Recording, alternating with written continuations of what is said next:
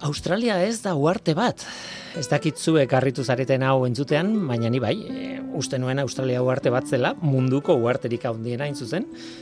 Baina ez, Australia ez da uarte bat. Eta beraz munduko uarte handiena Groenlandia da. Hori irakurrita iztegira jo nuen uarteren definizioa begiratu nuen, alde guztietatik urez inguratuta dagoen lur zatia, esaten zuen ez nuen oso ondo ulertzen, Australia alde guztietatik gure zinguratuta dagoen lur zatia da, beraz.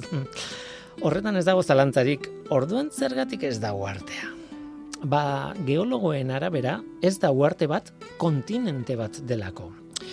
Ea, geologikoki, noski, geografikoki badakigu ozeania dela kontinentea, baina geologikoki Australia bere horretan kontinentea da, edo masa kontinentala, ez?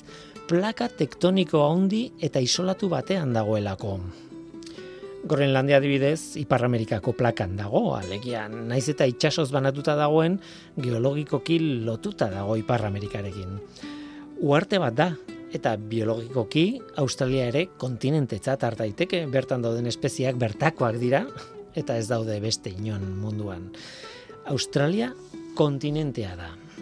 Berez urez inguratuzako lur zatiaren definizioari helduzkero, Eurasia izango litzateke munduko uarterik handiena, baina Eurasia ere Australia bezala kontinentea da. Eta beste kontu txiki bat, Euskal Kostaldeko uarterik handiena ere ez da uarte bat. baina kasu honetan arrazoia ingenieritzakoa da edo irigintzakoa nahi bat dibuzue.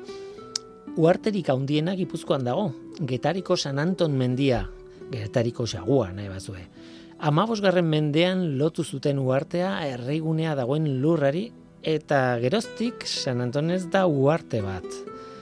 Hori horrela denez, Euskal Herriko uarterik handien hazin da, ba, izaro da, bermeoren eta mundakaren aurrean dagoen uarte hori.